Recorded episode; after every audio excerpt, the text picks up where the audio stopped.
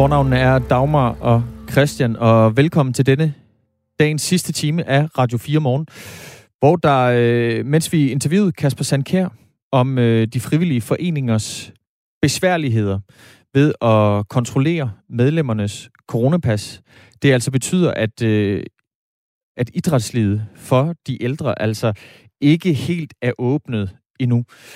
Vi har fået en del sms'er på 1424. Øhm, der er blandt andet en her, der skriver, det er Mark, han skriver, der var flere mennesker, der døde under influenza i 2018, end der døde af den pandemi, der haver. Der døde flere i trafikken i 2020, som var det laveste nogensinde, end den pandemi, der haver. Det har jeg bare lige slået op. Øh, ja, antallet på dem, der døde i trafikken. Der døde i trafikken, ja. ja. Det er altså ikke helt rigtigt. Øh, I hvert fald det sidste, Mark han skriver. Øhm, de forløbige tal, det her, jeg sidder inde på Vejdirektoratets hjemmeside, og forløbige tal peger på historisk få trafikdræbte i 2020. Øh, det er tal fra 17. december sidste år. Øh, og 17. december sidste år, der var der altså 155 personer, som øh, var blevet dræbt i trafikken. Og det er altså ikke flere end de 2.479, der er døde med corona i Danmark. Vi har også fået en øh, sms på 1424'eren. Det er en, der skriver, hilsen en formand i, en, i et foreningsbaseret center, altså et idrætscenter. Regeringen er i færd med at trække tæppet væk under foreningsfitness. De kommercielle bemandede centre må klappe i hænderne. Altså på det her med, at man ikke lige pt. kan komme ind i sin forenings, øh, idrætsforening, hvis ikke man fremviser et coronapas. Og det er altså ret svært at få lavet sådan nogle, øh, kan man sige, kontrolposter for det i de her frivilligt baserede foreninger. Søren han skriver også, nu har vi altså hørt det, vi står midt i en epidemi, det har vi fattet. Øh, det er til at kaste op over, at det bliver brugt i hver anden sætning. Brug lidt sund fornuft ved restriktionen, så tror jeg, at størstedelen af fornuftige danskere vil overholde dem. Og vi kan da godt lige vende øh, indlæggelsestal og smittetal med videre. Altså, der er øh, 172 personer indlagt på de danske hospitaler med corona. 36 af dem, de ligger på intensiv.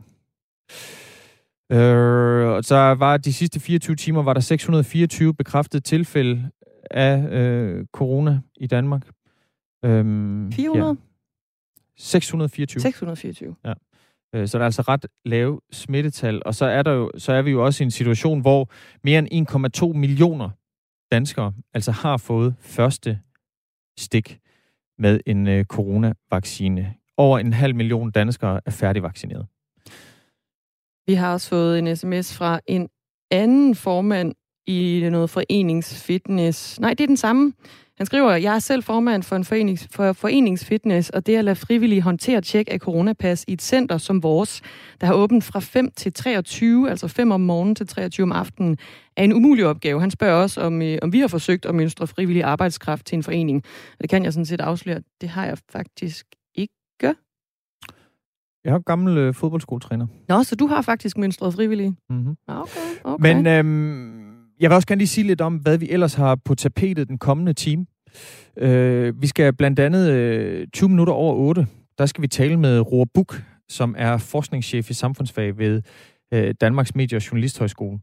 Og vi skal tale med Roar Buk, fordi at man for 20.000 kroner om året, der kan man altså købe sig adgang til øh, statsministeren blandt andet, og andre socialdemokratiske topministre, blandt andet øh, skatteministeren øh, og andre lignende. Er det et problem? Jeg så en øh, artikel, øh, det er netmediet Altinge, der har, der har afsløret det her. Det er sådan en, en erhvervsklub, som Socialdemokratiet har. Øh, Erhvervsforum Vækst.dk hedder den. Og der kan man altså købe sig øh, til et øh, enetid med landets ministre. Er det et problem? Er det et udtryk for korruption? Vi taler med Roar Buk, og det gør vi 20 minutter over 8. Det er en vild nok historie. Men nu skal vi til en øh, anden vild historie. Kristendemokraterne de er nemlig igen repræsenteret i Folketinget. Den tidligere radikale politiker og før endda venstremand Jens Rode, han annoncerede tidligere på ugen, at han fremover skal være politisk ordfører for kristendemokraterne. Og dermed så er partiet altså igen repræsenteret i Folketinget, og det er første gang siden år 2011. Og nu kan vi sige godmorgen til dig, Jens Rode. Godmorgen. Altså ny politisk ordfører for kristendemokraterne. Er du blevet kristendemokrat, eller er kristendemokraterne blevet Jens Rode? Det, øh, hvordan, øh, det, hvordan skal jeg svare på det? Har du ændret dig politisk, eller er det kristendemokraterne, der ændrer sig politisk? Jamen, jeg kan ikke se, at kristendemokraterne ændrer sig politisk. De får lidt flere politiske varer på hylderne, fordi det er det, vi har sat os ned og skrevet øh, sammen. Vi har jo måttet bruge tre måneder på at finde ud af, om vi kunne blive enige om et politisk projekt, om en reformplan for Danmark og en reformplan for EU. Og det har været meget vigtigt øh, for mig. Det har det jo sådan set også været for Isabella Arendt, sådan at vi ikke øh, om to år står i en situation og siger, at vi ikke kan se os selv øh, i det her projekt. Så, så, så der er kommet flere varer på hylderne, men jeg har ikke været inde og ændre noget grundlæggende i, i, KD. i KD. Kristendemokraternes formand Isabella Arndt, som du også henviser til her, øh, og dig har altså sammen formuleret et 2030-program, der skal sætte rammen om partiets opdaterede politiske platform. Og her står der blandt andet, at kvinder skal tilbydes rådgivning om abort og fem psykologsamtaler efter en eventuel abort. I det hele taget så har rigtig mange af de interviews, du har givet siden mandag, handlet om abort, Jens Rode, fordi kristendemokraterne jo blev stiftet på en skarp abortmodstand. Går du personligt ind for abort? Øh, jeg, vil, jeg vil næsten sige det, ligesom øh, Margrethe Augen øh, siger det. Jeg er imod abort, men jeg er for den fri abort. Altså på den måde at forstå, at, at, at altså, vi taler jo sådan politisk om abort, som om, at øh, jamen, det er da bare en fest. Altså det er da bare noget, man gør. Men det er det jo ikke. Altså, øh, jeg kender jo øh, adskillige kvinder, der har fået foretaget abort, der kan huske, hvor hvor gammelt barnet ville have været, og som er dybt ulykkelig, og, og, og, og den der ulykke, der har ramt dem bagefter, altså hvor de virkelig har været dybt ulykkelige, det er jo ikke noget, det er jo ikke nogen fest. Det er jo ikke noget fedt at få foretaget en abort, og derfor kunne vi jo godt diskutere om sådan 15.000 aborter, om det egentlig, om, om den ulykkelige situation ikke kunne øh, bringes ned. Øh, herunder kunne man jo også godt uh, diskutere prævention og så videre, så der er mange, der er mange indgange til den diskussion. Men det afgørende det er, at vi ikke kompromitterer kvindens ret til at få sin abort, når det er sådan, hun har truffet den beslutning, for det er hendes beslutning. Så det er altså, man skal have retten til fri abort? Ja. Ja. Men du vil ikke ønske det for nogen kvinde, at man får foretaget en abort? Øh, jamen, det, det, jeg har jo svært ved at sætte mig ind i det, øh, men jeg øh, kender kvinder, der har fået foretaget en abort, som jo bagefter har følt sig fuldstændig ulykkelige og været i, et, øh, i sådan et øh, ingenmandsland, hvor de ikke kunne få nogen hjælp øh, til de at håndtere de følelser, de, de går rundt med. Det er jo derfor, vi nu kommer med et forslag, som sådan giver hele raden rundt en, en, en støtte og en hjælp til den kvinde, der sidder i den situation, at hun må overtage en svangerskabsafbrydelse. Det synes jeg da sådan set er meget fint, at man kan, man kan diskutere det. Og på den måde synes jeg jo sådan set, at det, det, det er jo flot. At det, altså jeg, jeg kan godt lide, at, at kristendemokraterne tør at sætte den øh, øh, debat, øh, så længe den ikke bliver dogmatisk, og så længe den kan foregå på det enkelte menneskes, altså kvindens præmisser. Men går du personligt ind for abort? Nu har du sat dig grundigt ind i, hvordan det kan være at få foretaget en abort. Jeg går ind for, at kvinden har ret til sin abort, altså fri abort. Det, det, det er jo det, der står i planen, og det har været helt afgørende for mig, at øh, altså da, da jeg første gang mødtes med Isabella Arn og Simon Skals, så var det noget af det første, jeg spurgte ind til. Det er, hvor står I i det der spørgsmål? Øh, fordi øh, for mig er det helt afgørende, at kvindens ret til abort ikke bliver kompromitteret. Og der var svaret jo meget klart, at det er heller ikke kristendemokraternes politik. Så det er ikke mig, der har været inde og ændre i kristendemokraternes politik, sådan som jeg kan læse i aviserne. Mm. Øh, det er Isabella Arendt øh, og ledelsen, der har gjort det over tid. Kan du forstå, hvis kristendemokraternes kernevælgere, der måske har en mere konservativ tilgang til det her abortspørgsmål, kunne have problemer med, at der bliver gået ind for en fri adgang til abort? Jamen, som sagt, det er ikke mig, der har ændret politikken her. Det er jo, øh, det er jo, det er jo kristendemokraterne selv, Altså, det, de har jo fra starten slået fast over for mig, vi går videre at, til en anden del af jeres partiprogram, Jens Rode. Så kværner vi ikke mere rundt i den her, skal vi ikke sige det? Øh, vi går videre til nogle andre ting, som også har været, været omdiskuteret. Øh, I den del af Kristendemokraternes partiprogram, der handler om sundhedspolitik fra Folketingsvalget i 2019, der skriver I øh, klart KD nej til den glidebane hen mod aktiv dødshjælp, der foregår. Går du ind for aktiv dødshjælp? Det ved jeg simpelthen ikke. Altså, øh, det øh, har vi overhovedet ikke diskuteret, og du må ikke lige holde mig op på, hvad der lige er blevet sagt og skrevet i en valgkamp i 2019. Nå, men det er det der med at øh, kigge tilbage for os og kigge lidt frem. Nå, jamen altså, øh, vi har jo fremlagt en politisk plan, og det, det, er, jo, det er jo en... Det, jeg synes jo, det er en svær debat. For jeg, jeg, jeg synes, at det, der det, der, der kendetegner kristendemokraterne, det er, at de jo netop tør at tage fat i nogle af de der mere etiske fordringer, som jo er vanvittigt vanskelige. Nu kan vi bare tage det der omskæring af drengebørn øh, i alderen, øh, altså om der skal være en aldersgrænse eller ej. Det er jo også utrolig vanskelige spørgsmål.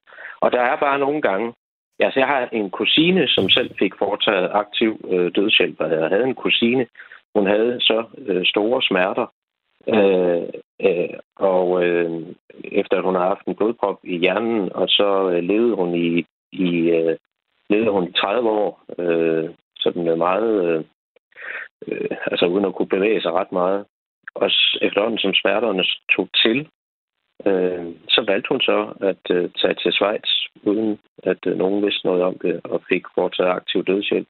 Og det var jo øh, det var jo et chok og hårdt for familien, og man kan også diskutere, om mennesket skal gøre sig til herre over øh, livet. Og alle de der ting er jo interessante diskussioner, men, men, men, men, men jeg kunne jo aldrig nogensinde finde på at fordømme min kusine, fordi hun fik foretaget det der. Så jeg synes, jeg synes simpelthen, at det er, det er, det er meget, meget vanskelige spørgsmål. Og, de og det er det jo absolut. diskuteret uden, uden at man sætter dogmer op. Du er jo også politiker og skal udstikke en retning. Partiet siger nej til aktiv dødshjælp. Hvordan forholder du dig til det?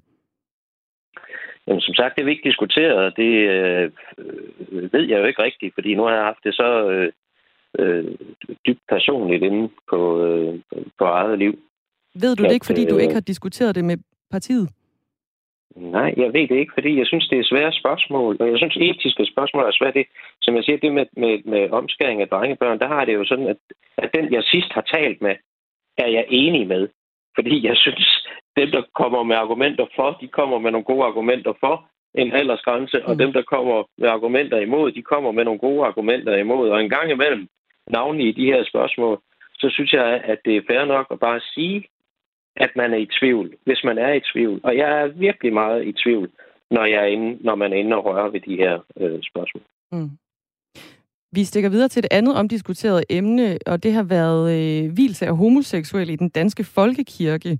Jens Rode, altså et nyt medlem af, af kristendemokraterne og folketingsmedlem for partiet også, og politisk ordfører. Skal præster i den danske folkekirke have ret til at afvise hvilser af homoseksuelle? Ja, det sagde jeg sådan set også allerede dengang, jeg var venstremand, fordi det er et spørgsmål om kirkens indre anlægner, og det man skal huske på, det er, at kirken har sin egen demokratiske infrastruktur. Det er simpelthen noget, kirken selv må afgøre den enkelte præst, og menighedsrådene må jo afgøre, hvem de ansætter som præst. Du kan ikke pålægge nogle mennesker at gøre noget, som de mener er imod deres tro, i et religiøst anlæggende, som det jo en kirkelig handling jo er. Det øh, er jo mangel på rummelighed den anden vej. Og øh, jeg vil personligt aldrig, hvis jeg var præst, sige, at jeg ikke vil vi homoseksuelle. Men jeg er nødt til at, at have den rummelighed og den forståelse af, at hvis vi ønsker i Danmark at have en folkekirke, og det vil jeg, for ellers så skal du bare se en kirke og mange menigheder, der bliver politiseret, som vi kender det fra udlandet. Hvis jeg vil have, at der skal være en folkekirke, så er jeg nødt til at acceptere, at der inden for folkekirken og kristendommen er forskellige trosretninger, og de skal have lov til at praktisere deres tro i deres kirke og i den folkekirke, som vi har. Den rummelighed skal man have, ellers så ødelægger man folkekirken. Og det er nogle af de ting, som, som jeg igennem årene, øh, da jeg var en ung, kæk øh, og lidt for smart øh, Øh, folketings øh, politisk ordfører for Venstre og udeblev fra en gudstjeneste, jo fik, øh, fik, fik, fik meget... Øh, hvad det læst og påskrevet af folk som Christian Majdal og Birte Røn Hornbæk, og sådan noget, som jeg har lært meget af i den øh, sammenhæng. Så, så, øh, så det lange af det korte her, det er, at øh, ja, det er kirkens eget anlæggende, det er ikke et politisk anlæggende. Så det, jeg hørte dig sige, det er, at folkekir- altså, homoseksuelle må gerne blive gift i kirken, hvis præsten er med på den. Men de må godt afvise at, at vi homoseksuelle. Ja, fordi hvis det er sådan, at man øh, i menigheden synes, at det er forkert, at præsten ikke mener det, så skal de jo finde en ny præst. Det er jo menighedsrådene, der ansætter præsten. Og det er et religiøst anlæggende, og man skal give kirken sit, og så skal man give det politiske sit, og de to ting skal man jo netop holde adskilt. Nu har jeg annonceret en ny øh, 2030-plan i Kristendemokraterne, og ifølge den, så vil I blandt andet afskaffe den lave integrationsydelse og kontanthjælpsloftet, der i særligt rammer indvandrerfamilier. 24-årsreglen, der forhindrer familiesammenføringer for udlændinge, hvor den ene part er øh, under 24 år, skal også væk. Hvilke partier i den borgerlige blok, Jens Rode, er det mest oplagt at samarbejde med om det? Det ved jeg ikke. Altså først og fremmest så er det jo vores opgave ikke at stå til ansvar eller stå på mål for andres politik, men stå på mål for vores politik. Vi øh, deler det borgerlige grundlæggende synspunkt, at det skal kunne betale sig at arbejde. Derfor fremlægger vi også en plan, hvor vi sænker skatten på arbejde ganske markant, faktisk med 40.000 kroner om året for en helt almindelig øh, gennemsnitsfamilie.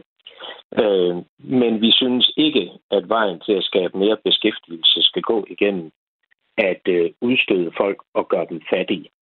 Øh, og i øvrigt, øh, fordi man har noget imod øh, bestemte befolkningsgrupper. Men I har ikke overvejet, skal... hvilke partier, der er mest oplagt at samarbejde med om det? Nej, altså vi, vi skal, det, det, sådan, sådan skal man jo ikke lave sin politik. Man skal lave sin politik ud fra, hvad man tror, og så skal man, eller man, man selv tror på, og så skal man bagefter, så skal man se, øh, om man kan forhandle forskellige ting igennem i en helhedsbetragtning øh, på en række områder. Det her det er jo vores synspunkt, det er jo vores bud på øh, øh, skal vi sige, en, en, en borgerlig helhedsplan. Øh, og så må andre jo fremlægge deres. Det er jo ikke vores opgave at sidde og sige, øh, ja, de og de, de mener det, så, så mener vi det og det. Vi mener det, vi mener. Og så, øh, og så må andre have deres holdninger, og så går alt jo ind i en forhandling. Jens Rode... Det skal ses i en sammenhæng. Jamen, det er sandt, Jens Rode. Og din nye sammenhæng, det er altså politisk ordfører for Kristendemokraterne. Jeg har lidt sidste spørgsmål til dig, og det er, om det skal være Ellemann eller Pape som øh, borgerlig statsministerkandidat. Det giver i øjeblikket ikke mening at tage det navne på, øh, hvis du kigger ud over den borgerlige øh, blok. Men øh, jeg kan i hvert fald love, at vi kommer til at pege på en øh, borgerlig statsministerkandidat. Men denne statsministerkandidat får fra os i opdrag at søge en regering hen over midten. For det er det, Danmark har behov for. Jens Rode, tak fordi du var med. Tak fordi jeg måtte. God morgen. God morgen. Altså ny politisk ordfører for øh, kristendemokraterne.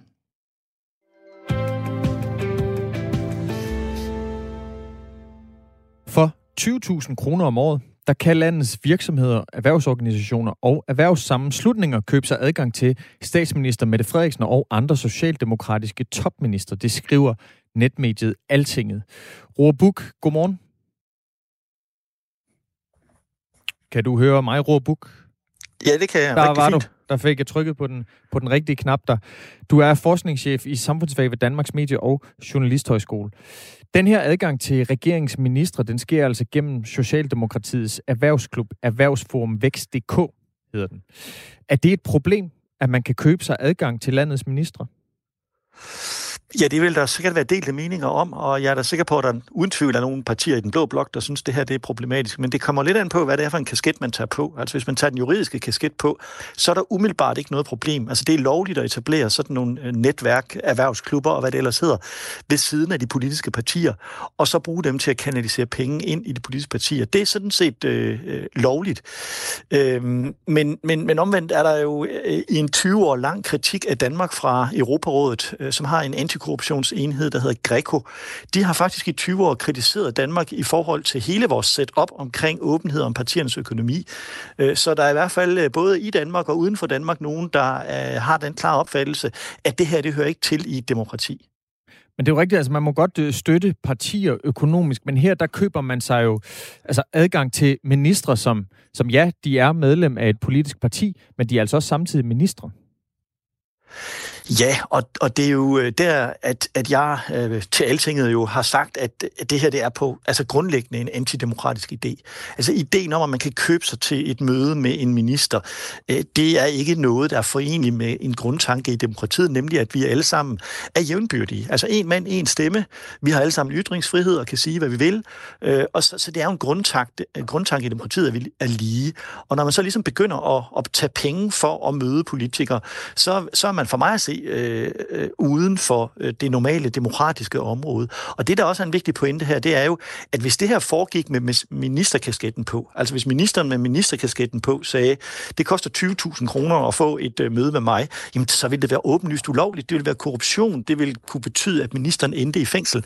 Men når ministeren så altså ligesom tager øh, kasketten af, og bare er socialdemokratisk partimedlem øh, og medlem af, øh, i det her netværk, øh, så må man gerne tage 20.000 kroner for et møde. Og jeg synes jo, den der sammenligning for mig at se øh, viser, at det her det er egentlig lidt grotesk og lidt absurd, at det her det er lovligt. Men jeg skal understrege, det er lovligt. Men altså, det, det er jo sådan lidt en, en absurd tanke øh, på en eller anden måde at, at forestille sig, at, at Mette Frederiksen så møder op i sin egenskab som partiformand for Socialdemokratiet, og ikke i sin egenskab som statsminister. Altså, man, man kan vel ikke tage den der statsministerkasket af? Jo, det tror jeg, hun vil sige. Nu ved jeg ikke, om hun har udtalt sig om det, men jeg vil tro, hun, sige, hun vil sige, at hun godt kan, kan tage den der kasket af. Altså ligesom Lars Lykke jo i forhold til øh, kvotekonger og nogle af de diskussioner, der har været i forhold til ham, ligesom sagde, jamen der er en privat Lars, og, og så er der statsminister Lars. Og øh, jeg er enig med dig i, at, at det er i virkeligheden en absurd måde at tænke på, at man ligesom kan tage kasketten af og på, som man vil. Men, men, men Lars Løkke har sagt det, og jeg er sikker på, hvis Mette Frederiksen udtaler sig om det her, så vil hun også holde fast i, at det var hun i sin gode ret til at gøre. Hun har faktisk øh, forsøgt at, at udtale sig. Det gjorde hun i går til et øh, pressemøde, hvor, øh, hvor BT's Henrik Fortrup han øh, forsøgte at spørge ind øh, til den her historie, som Altinget altså har. Lad os lige prøve at høre, hvordan det lød. Ja, Fortrup. Jeg kan forstå på Jens Kramer Mikkelsen, at hvis man betaler 20.000 kroner, så kan man blive medlem af Socialdemokratiets erhvervsklub, Erhvervsklub Vækst, tror jeg den hedder, og dermed også få adgang til eksklusive møder med blandt andre dig, statsminister. Med hvilken kasket møder du op til de møder? Jeg forsøger at være så meget øh, ude og så meget rundt, som det overhovedet kan lade sig gøre, herunder selvfølgelig en tæt dialog med, med dansk øh, erhvervsliv. Det gør jeg i mange forskellige sammenhænge, så mange som jeg overhovedet kan.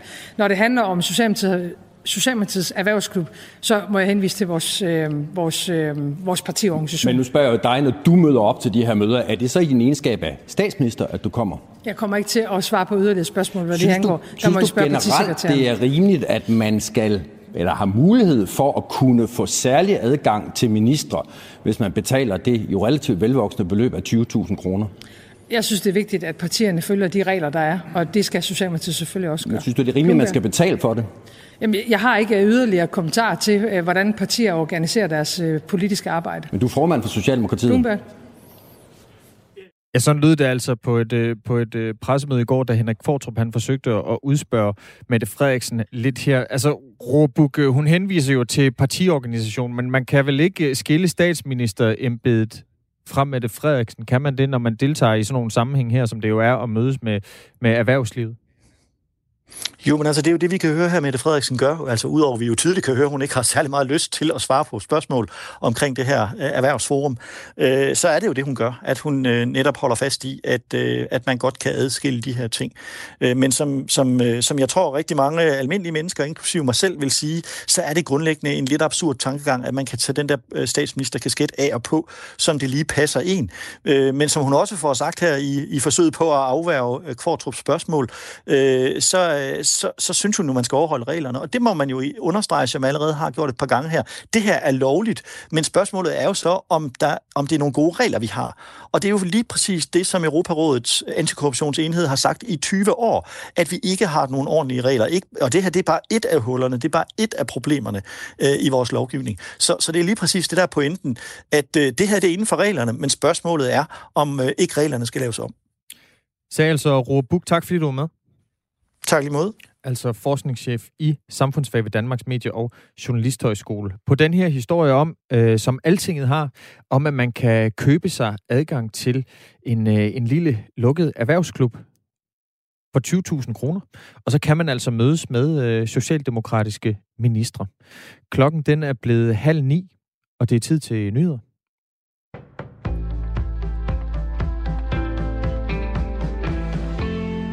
Når regeringen i dag præsenterer sit udspil til, hvordan landbruget kan reducere sin udledning af drivhusgasser, så er det et udspil fuld af ukonkrete tiltag. Sådan lyder kritikken fra regeringens støttepartier og fra flere organisationer. Med udspillet håber regeringen at sænke udledningerne fra landbruget med 7,1 millioner ton i år 2030, men størstedelen, 5 millioner ud af de 7,1 millioner ton, er usikre reduktioner. De dækker over et potentiale ved ny teknologi og videreudvikling af kendte ordninger. Og det er bekymrende, siger enhedslistens klimaordfører Peter Velblund. Langt størsteparten af de initiativer, vi kan se, det er jo nogen, der ligger i det, der hedder udviklingssport, altså noget, der ikke er konkret endnu. Øh, og det er jo præcis det, Klimarådet tidligere har kritiseret regeringens indsats for, det er, at der er for lidt konkrete initiativer, øh, og der er for mange øh, ukonkrete initiativer, der ligger ude i udviklingssporet. Øh, og det lader jo til, at det præcis er den øh, synd, som, som regeringen også kommer til at begå igen her med, med landbrugsudspillet.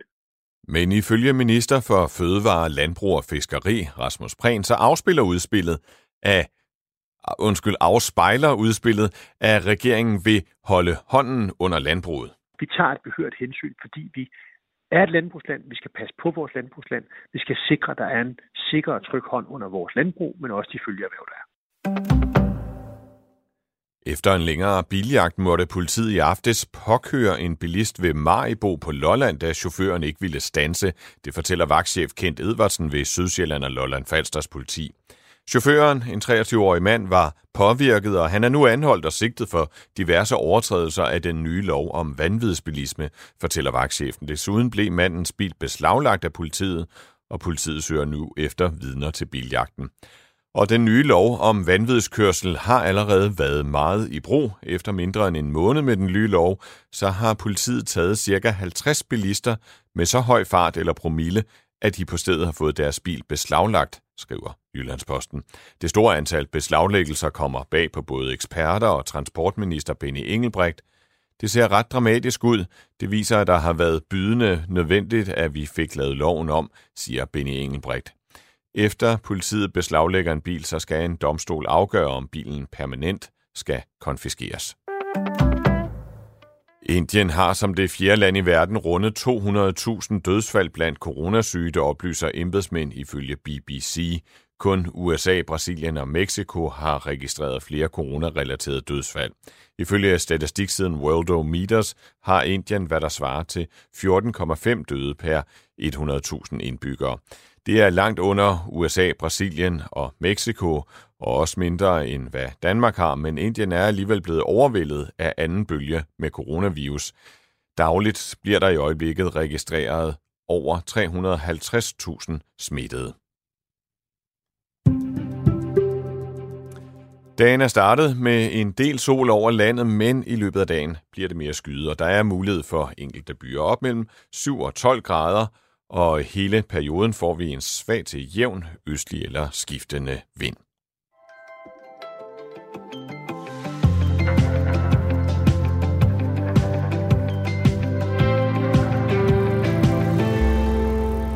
Godmorgen. Godmorgen. 26 minutter tilbage af Radio 4 morgen i dag. Og dejligt, du har tændt op for radioen. Sidste etape er indledt. Ja. Altså af dagens Altså af Radio 4 dagens morgen. Radio 4 morgen. Ja, Vi er tilbage præcis. igen i morgen, og så gør vi Præcis. det igen. Præcis. øhm, klokken... Øh, skal vi lige fortælle lidt om, hvad der kommer senere? Øhm, senere der skal vi øh, tale med øh, Jesper Helmut Larsen, som er direktør i AJ Vaccines, og det skal vi på baggrund af en melding, der kom fra Socialdemokratiet tidligere på ugen, øh, hvor statsminister Mette Frederiksen, hun vil have etableret, en dansk vaccinefabrik, og det vil hun næste år. Der findes øh, i Danmark to virksomheder, hvis arbejde udelukkende består af at producere vacciner. Øh, en af dem taler vi med. Ja, og det er altså Jesper Helmut Larsen fra AJ Vaccines. Den anden, det er Bavarian Nordic, men dem har vi altså ikke øh, fået, fået fat i her til morgen. 25 minutter i 9. I dag første behandler Folketinget forslaget om, at polske kvinder skal have gratis adgang til abort i Danmark. Godmorgen, Pernille Skipper. Godmorgen. Det er, det er jeres forslag. Du er sundhedsordfører for enhedslisten, skylder jeg lige at sige. Øhm, mm. Hvorfor er det den danske stats opgave at betale for polske kvinders abort?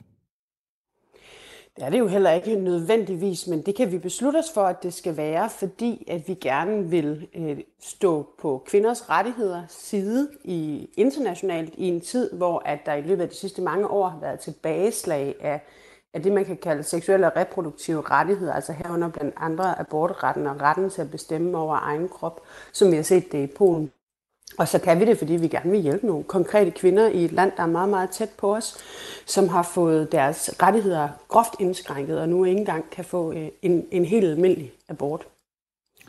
Øhm, nu fortæller du, at I gerne vil stå på kvinders rettigheders side, men der er jo mange steder i verden, Pernille Skipper, øh, mm. hvor, øh, hvor muligheden for abort er endnu ringere, end den er i Polen. Sådan er det faktisk de fleste steder i verden. Altså vi kan kigge både på Sydamerika, Afrika og også dele af Asien.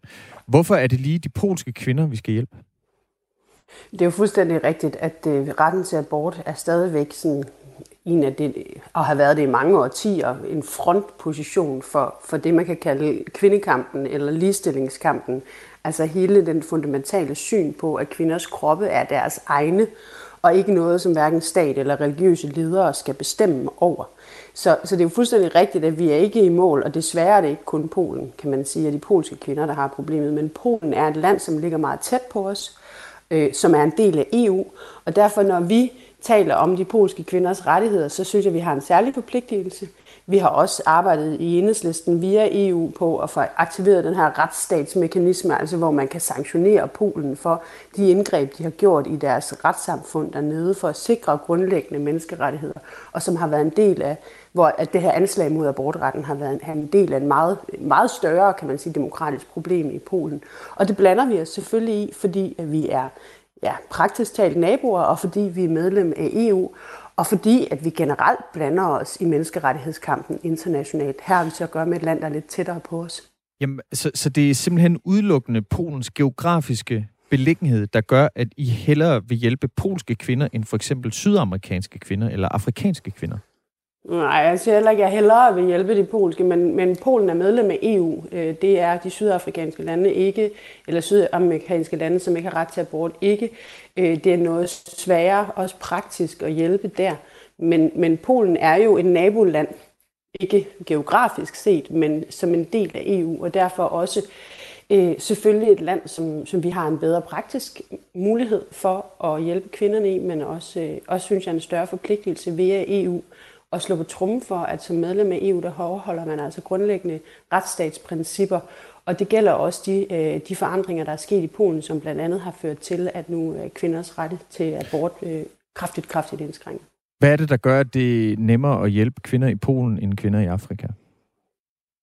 Det er tættere på.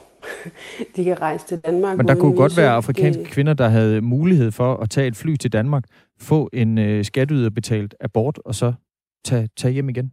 Hvorfor give dem muligheden også? Fordi det kan vi ikke økonomisk set. Altså selvfølgelig kan vi ikke hjælpe alle kvinder i hele verden, som har øh, behov for en abort. Det vil vi ikke have pengene til. Så når vi laver, stiller det her forslag, så er det jo selvfølgelig, som jeg startede med at sige, konkret for at hjælpe nogle kvinder, for at hjælpe en polsk kvindebevægelse som, og en demokratisk bevægelse, som forsøger at tilkæmpe sig, eller tilbage tilkæmpe sig nogle rettigheder. Og så er det selvfølgelig også for at være en del af den kan man sige, globale kamp for at øh, beskytte kvinders rettigheder. Altså ligesom at jeg synes, at vi i FN og andre steder skal støtte øh, de argentinske kvinder, når de har kæmpet for retten til abort i en mm-hmm. meget, meget vigtig kamp for dem, mm-hmm. jamen så kan man også øh, støtte de polske kvinder via de, den her handling. Jamen hvorfor så ikke også støtte det gør de... ikke den ene vigtigere end den anden. Men det, er, Jamen, fordi, det gør det jo, det fordi I beslutter jo, I beslutter jo, I beslutter jo for øh, at prioritere altså polske kvinders mulighed for abort højere end for eksempel argentinske? Vi har ikke pengene til at invitere alle der har behov for en abort i verden herop. Men polske kvinder... Men vi har da penge til, så kunne vi tage Argentina med også. Vi har, vi har en meget mere praktisk mulighed for at hjælpe polske kvinder herop til, fordi de kan rejse op uden visum. Det er en del af EU. Og så vil det selvfølgelig også, og det skal jeg slet ikke lægge skjul på, være en, en vigtig symbolsk sejr øh, for de kvinder dernede. Altså det er en symbolsk handling også at lægge pres på et land, som er medlem af EU, eller en af måderne, hvorpå vi forsøger at presse Polen til at, øh, at opgive den, de anslag, som de har gjort mod grundlæggende demokratiske rettigheder. Altså ikke kun abortretten, men også mod retssamfundet som sådan i Polen. Så det er jo en del af en større, øh, Øh, en større kamp for også at sikre, at inden for EU, der er menneskerettighederne og retsstatsprincipperne nogen, som vi står vagt omkring. Og, altså, jeg kan jo kun svare det samme igen, lige meget om du så spørger mig igen. Altså, det, kan jo, det er jo rigtigt. Der er ganske, ganske langt til, at kvinders kroppe, kvinders grundlæggende rettigheder bliver respekteret verden over. Øhm, jeg, jeg er ikke en af dem, der køber ind på en alt eller intet øh, diskussion, altså at hvis vi ikke kan hjælpe alle, så skal vi ikke hjælpe nogen. Men, øh, men desværre, så har vi ikke alle penge i verden til at hente alle herop, men vi kan. Vi kan godt hjælpe de polske kvinder. Kan vi ikke hjælpe de argentinske kvinder? Jeg vil ikke tro, at vi havde pengene til at gøre det. Hvor altså med det alle på en gang. Jeg har ikke undersøgt, hvor mange der vil komme fra diverse sydamerikanske lande til Danmark og har behov for men det er en markant større mængde borgere. Har du undersøgt, hvor mange polske kvinder, der potentielt vil komme til Danmark og få skatteyderbetalt ja. abort?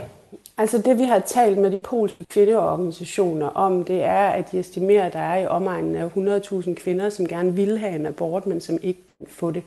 De, de former for abort, som det særligt er øh, problematisk for polske kvinder at kunne få, fordi de kan jo rejse til Frankrig eller Danmark eller et andet land og betale for deres abort, så vil det primært være nogle af de allerfattigste kvinder, som vil have behov for hjælp, og så vil det være nogle af dem, som øh, har behov behov for aborter øh, er altså senere end de tre måneder, men af medicinske årsager, for eksempel på grund af hjertefejl hos fosteret, hvor man ved, at fosteret vil dø ved fødslen osv. Så, så ja, vi har rent faktisk øh, forsøgt at undersøge mere nøjagtigt, hvad er det for nogle grupper, som kunne have behov for vores hjælp her, og hvordan kan vi gøre det. Jeg er ikke sikker på, at vores beslutningsforslag i dag er den helt nøjagtige hjælp, øh, eller den perfekte model, Mm. Men det er i hvert fald et forsøg på, at vi også tager noget ansvar i Danmark for øh, nogle af de lande, som er meget tæt på os, og blande os i en Et forestående diskussion, som... Øh, ja.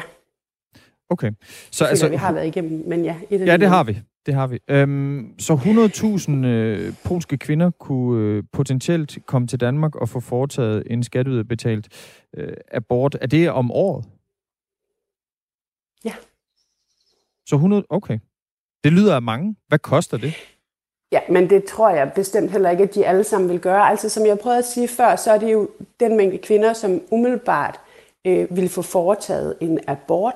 Men dem, som har et særligt behov, og for hvem det vil ske vil være relevant at have sådan en særlig ordning, hvor de kunne blive hjulpet til Danmark og få en abort, det er primært dem, som ikke har nogen penge, og som øh, hvad hedder det, har andre årsager til at skulle have en abort, end, end at man end at det er en fejl, kan man sige, tidligt i graviditeten. Altså hvor at fosteret for eksempel har en hjertefejl og vil dø umiddelbart efter fødslen, der kan man i Danmark via øh, et bestemt system også få foretaget en senere abort, og det kan man også i mange andre lande. Det vil være sådan nogle kvinder, som har nogle særlige behov. Så nej, det vil formentlig ikke være alle 100.000, men du spurgte mig, om vi har estimeret, hvor mange der øh, har behov for en abort i Polen, og så siger jeg bare, ja, vi har faktisk forsøgt at tale med nogle af de organisationer. Det er klart, men det, det, altså, det kan som, potentielt være 100.000 polske kvinder, der, kom, der kommer til Danmark om året for at få foretaget en, en abort.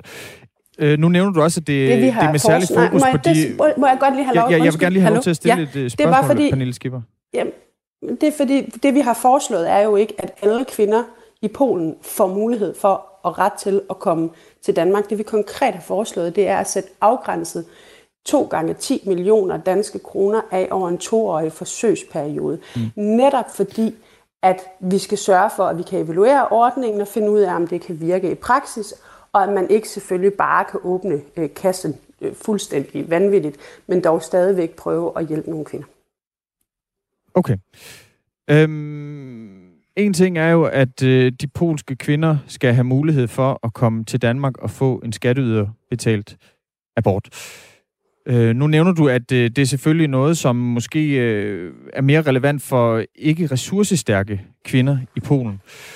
En ting er jo, at man så kan få en gratis abort. Noget andet er flybilletten herop. Øh, man skal sandsynligvis også have, have råd til at, at bo øh, i Danmark øh, nogle dage, mens man får det her indgreb foretaget. Altså, det er jo ikke noget, som øh, ressourcesvage polske kvinder, som måske har behov for at få foretaget en abort, har råd til.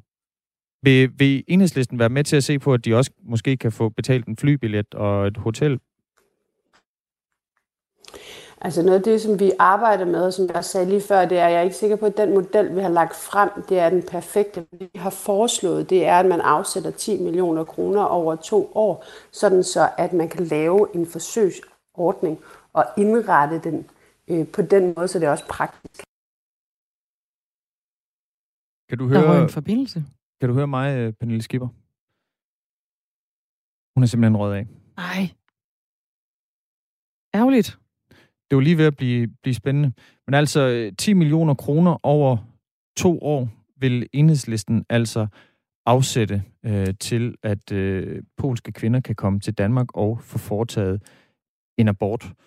Øhm, jeg kan se, at vi prøver at ringe Pernille Skipper, sundhedsordfører for enhedslisten, op. Øh, nu taler min producer, eller vores producer, Katrine Volsing med hende, og nu tror jeg, hun bliver stillet igennem til studiet. Hej Pernille Skipper. Hallo. Du røg simpelthen lige... Jamen, det er så fint. Øhm, det, det sker jo nogle gange. Jeg stod her og snakkede, øh, og synes, at jeg lød meget klog. Ja. Det, det, jeg, spørgsmål? jeg lover, gang altså ikke os, der smed dig af, øh, Pernille Nej, Skipper. er. Øh, du, du, fik lige, øh, du fik lige sagt, at I vil afsætte 10 millioner kroner over to år. Øhm, Ja. Hvor mange, og, alt, øh, og, hvor, så var, og, så, og så vil jeg gerne spørge, hvor mange aborter kan man øh, få for 10 millioner kroner? Det ved vi ikke endnu. Altså det vi, har, det, vi har foreslået, det er at afsætte 10 millioner kroner gange to år på en forsøgsordning, som man så herunder kan estimere både, hvordan man skal bruge praktisk hjælp og øh, hvad der ellers skal lade sig gøre. Men, men man vil formentlig kunne hjælpe dem, der gerne vil. Det er i hvert fald vores estimat, når vi sidder og skynder hen over de tal, som vi får fra organisationer, som vi har snakket med, og når vi ved, hvad den såkaldte DRG-takst for Men- en abort er Men i Danmark, altså hvad det sådan set koster at udføre den. Og så er det jo inden for den, den pengeramme, at man skal lave en konkret model for det. Men Pernille Skipper, nu fortæller du 10 millioner.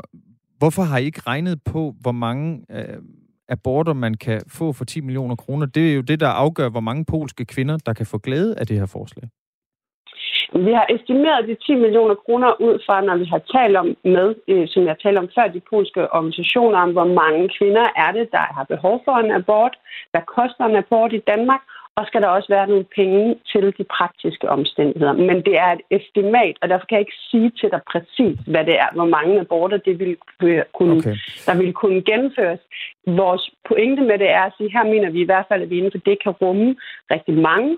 Der er også mulighed for at lave en model, hvor man praktisk Mm. hjælper dem herop, som du talte om, fordi det netop er mange af de mindre bemidlede, der ikke selv har råd til at rejse til et andet land og få foretaget en abort, så det, så de bare kunne så gøre det er altså ikke bare øh, det er ikke bare penge til at få gennemført og foretaget en abort, det er også penge til en flybillet.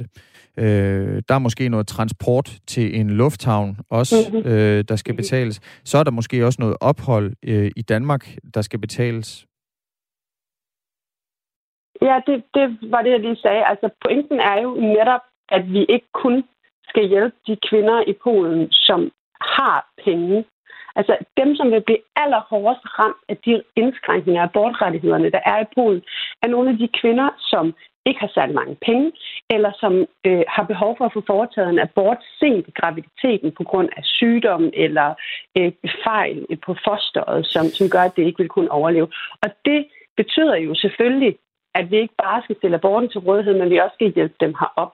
Det er jo i de fleste europæiske lande, er aborten jo fri. Det vil sige, at enhver polsk kvinde, enhver tysk kvinde, enhver fransk kvinde kan rejse til Danmark og betale i det offentlige system for at få foretaget en abort. Hvis vi skal hjælpe de polske kvinder, som lige nu har fået indskrænket deres rettigheder, øh, så skal vi kæmpe deres kamp sammen med dem. Det vil sige, at der er noget symbolik i det her, vi skal til tingene op, men vi skal jo også sørge for at målrette den konkrete hjælp, vi så giver til de polske kvinder, som ja, er det, mere, er det mere symbolikken og signalet, der er vigtigt, end rent faktisk øh, konkret at hjælpe kvinder i verden? Det er begge dele. Altså, jeg, mm. det er, jeg vil slet ikke lægge skjul for, at der er en vis mængde symbolik i det her, og det er jo fordi, at den, den, den konstante diskussion, der er internationalt om kvinders seksuelle og reproduktive rettigheder, det er, øh, det er en forsvarskamp. Altså hver eneste... Der er jo kvinder før os, generationer før os, der har tilkæmpet sig retten til abort i Danmark. I øvrigt kunne danske kvinder rejse til Polen, før aborten blev fri i Danmark og få foretaget deres øh, abort dernede. Så der er jo også noget, kan man sige, historisk gæld på en eller anden måde i hvert fald. Men, men der er det jo rigtig, rigtig vigtigt, at vi ikke nøjes med at tale ved flotte konferencer og lave øh, deklarationer til FN-konventioner og alt muligt andet, mm. for at fortælle dem, at det, de gør, er forkert, men at vi også engang imellem handler på det. Og så kan man selvfølgelig godt sige, at det er jo ligegyldigt, det er bare en lille smule kvinder i den her verden, og den er stor, og der er mange problemer, og kunne man gøre det bedre, og er det ikke også ja. øh, for dårligt? Men, men det er jo et lille skridt i en langt større kamp, hvor vi kan se meget tydeligt, at selvom et land som Argentina for eksempel får legaliseret deres abort, og det lykkes med øh, retten til abort, og det lykkes for dem, så oplever i mange andre lande, at hvis vi ikke står sammen også på tværs af landegrænser og blander os i, hvad der foregår, så vil kvinders rettigheder blive rullet tilbage. Tak fordi du er med, Pernille Skipper. Selv tak. Sundhedsordfører for Enhedslisten om det her forslag, som altså i dag bliver førstebehandlet i, i Folketinget om, at polske kvinder skal have adgang til gratis abort og øh, transport og andre øh, praktiske forhold, mens det her øh, indgreb bliver, bliver foretaget, øh, må man forstå. Det bliver altså første behandlet i dag i Folketinget. Øh, klokken den er 8 minutter ind i. Statsminister Mette Frederiksen fra Socialdemokratiet vil have etableret en dansk vaccinefabrik i år 2022. Og her i Danmark, der findes der to virksomheder, hvis arbejde udelukkende består af at producere vacciner. Og det er AJ Vaccines, og så er det Bavarian Nordic. Og nu kan vi sige godmorgen til Jesper Helmut Larsen. Godmorgen. Du er direktør i AJ Vaccines. Og allerede for et øh, par måneder siden, da Mette Frederiksen hun tog til Israel på en vaccinetur, så bød jeg til i forhold til den her mulighed for en øh, dansk vaccineproduktion. Og Bavarian Nordic, de melder pas på at byde ind på en dansk vaccinefabrik. Men nu stikker du og AJ Vaccines altså igen hovedet frem efter statsministerens ønske om en vaccinefabrik i Danmark i år 2022. Er I klar til at tage den her opgave? Ja, vi, vi er først og fremmest rigtig glade for, at øh, der nu bliver kigget på et øh, dansk vaccineberedskab. Vi er øh, også, vi ser også frem til, at, at der de næste 14 dage jo bliver snakket øh, yderligere om, hvad et, øh, et muligt udbud så skal, skal indeholde. Og det vil vi selvfølgelig kigge øh, bare seriøst og, og interesseret i øh, uh, at finde ud af, hvordan vi kan enten være relevante eller, eller spille øh, konstruktivt ind på det. Nej, for som du rigtig siger, så er der ikke noget udbud at forholde sig til endnu, men I melder jer altså klar. Skal det forstås? Ja, vi vil meget gerne kigge på, hvad det er, at der, der, der nu skal diskuteres, og hvordan det, det, det endelige udbud kommer til at, at udforme sig. Og så må vi jo se, om, øh, om, om, øh, om vi har, øh, hvad kan man sige, øh, det, der skal til for at, at blive en, øh, et, øh, et, et, et godt og, og aktivt øh, bud på, på den produktion. Vil du ikke lige sætte et par ord på, hvad jeres forudsætninger er for at sætte gang i sådan en dansk vaccinefabrik her, som altså skal producere covid-19-vacciner? Ja, der, jeg, jeg, jeg vil gerne slå fast, at øh, vi har jo ikke en, øh, en, en, en, en egen covid-19-vaccine. Øh, øh, hvad hedder det? Så så vi skal have fundet en mulighed for at producere, og hvis det er en specifik vaccine, øh, der, der ledes efter, så kan det være, at det begrænser øh, mulighederne. Øh, men, men ellers så er det at producere vacciner jo øh, vores boldgade, øh, og har været det i øh, rigtig mange år. Vi har øh, ledig kapacitet, øh, både hvad angår det at kan fylde og pakke øh, vacciner, og vi har også en, øh, hvad hedder det, en eksisterende øh, bygning, som er, er fuldt godkendt til at kunne producere vacciner. øh, med noget udstyr i, og det er nok ikke det rigtige udstyr, men øh, der er både plads til at bygge om, der er plads til at bygge til. Så, så, så, så, så, så vi tænker, at, øh, at vi har gode muligheder for at tilpasse vores produktionsapparat til en, øh, en eventuel ny vaccine. I har, I har øh, lyder det som om, øh, godt styr på logistikken omkring at, at lave vacciner, men kan I også udvikle selve vaccinen? Øh, det kan vi ikke. Vi har ingen øh, udviklingsfunktion til det. Det var i mandags øh, statsminister Mette Frederiksen fortalte om planerne om en dansk vaccinefabrik i år 2022. Her udtalte hun blandt andet, at det skal gøres for, at man kan sikre en forsyningssikkerhed til danskerne, som øh, også må forvente at skulle revaccineres i de kommende år, lød det øh, altså fra statsministeren. Er det muligt for dig øh, at etablere en vaccinefabrik, som altså producerer og udvikler vaccinerne, så den står klar i 2022? Det er, det er meget svært at udtale sig om, når, når vi ikke ved, hvad, hvad indholdet er. Jeg, jeg tror, hvor der er, er vilje, er der også øh, en vej. Øh, jeg, jeg tænker, det er fantastisk arbejde, de nuværende øh, vaccineproducenter har, hvad hedder det, øh, skabt, altså på mindre end et år, at udvikle en vaccine for et produktionsapparat, få vaccinerne godkendt og leveret, øh, sætter jo en standard, men, men det er også en meget høj standard. Øh, det, det alt afhængig af, hvad der skal laves, og, og hvordan det kan, det, kan, det kan aftales, så er det en, en ambitiøs tidsplan. Hvad er det, øh, I mangler at få afklaret, før I ved, om øh, I kan have en vaccinefabrik klar? Ja, vi, vi mangler jo at, at vide, hvis det er en øh, mRNA-baseret vaccine, mm. så, øh, så, så, så har vi den jo ikke. Øh, og, og, og jeg er heller ikke kendskab til, at der er andre i Danmark, der har den. Så hvis den skal udvikles, øh, og det skal være mRNA, så, så, så, så, så skal man jo finde ud af det.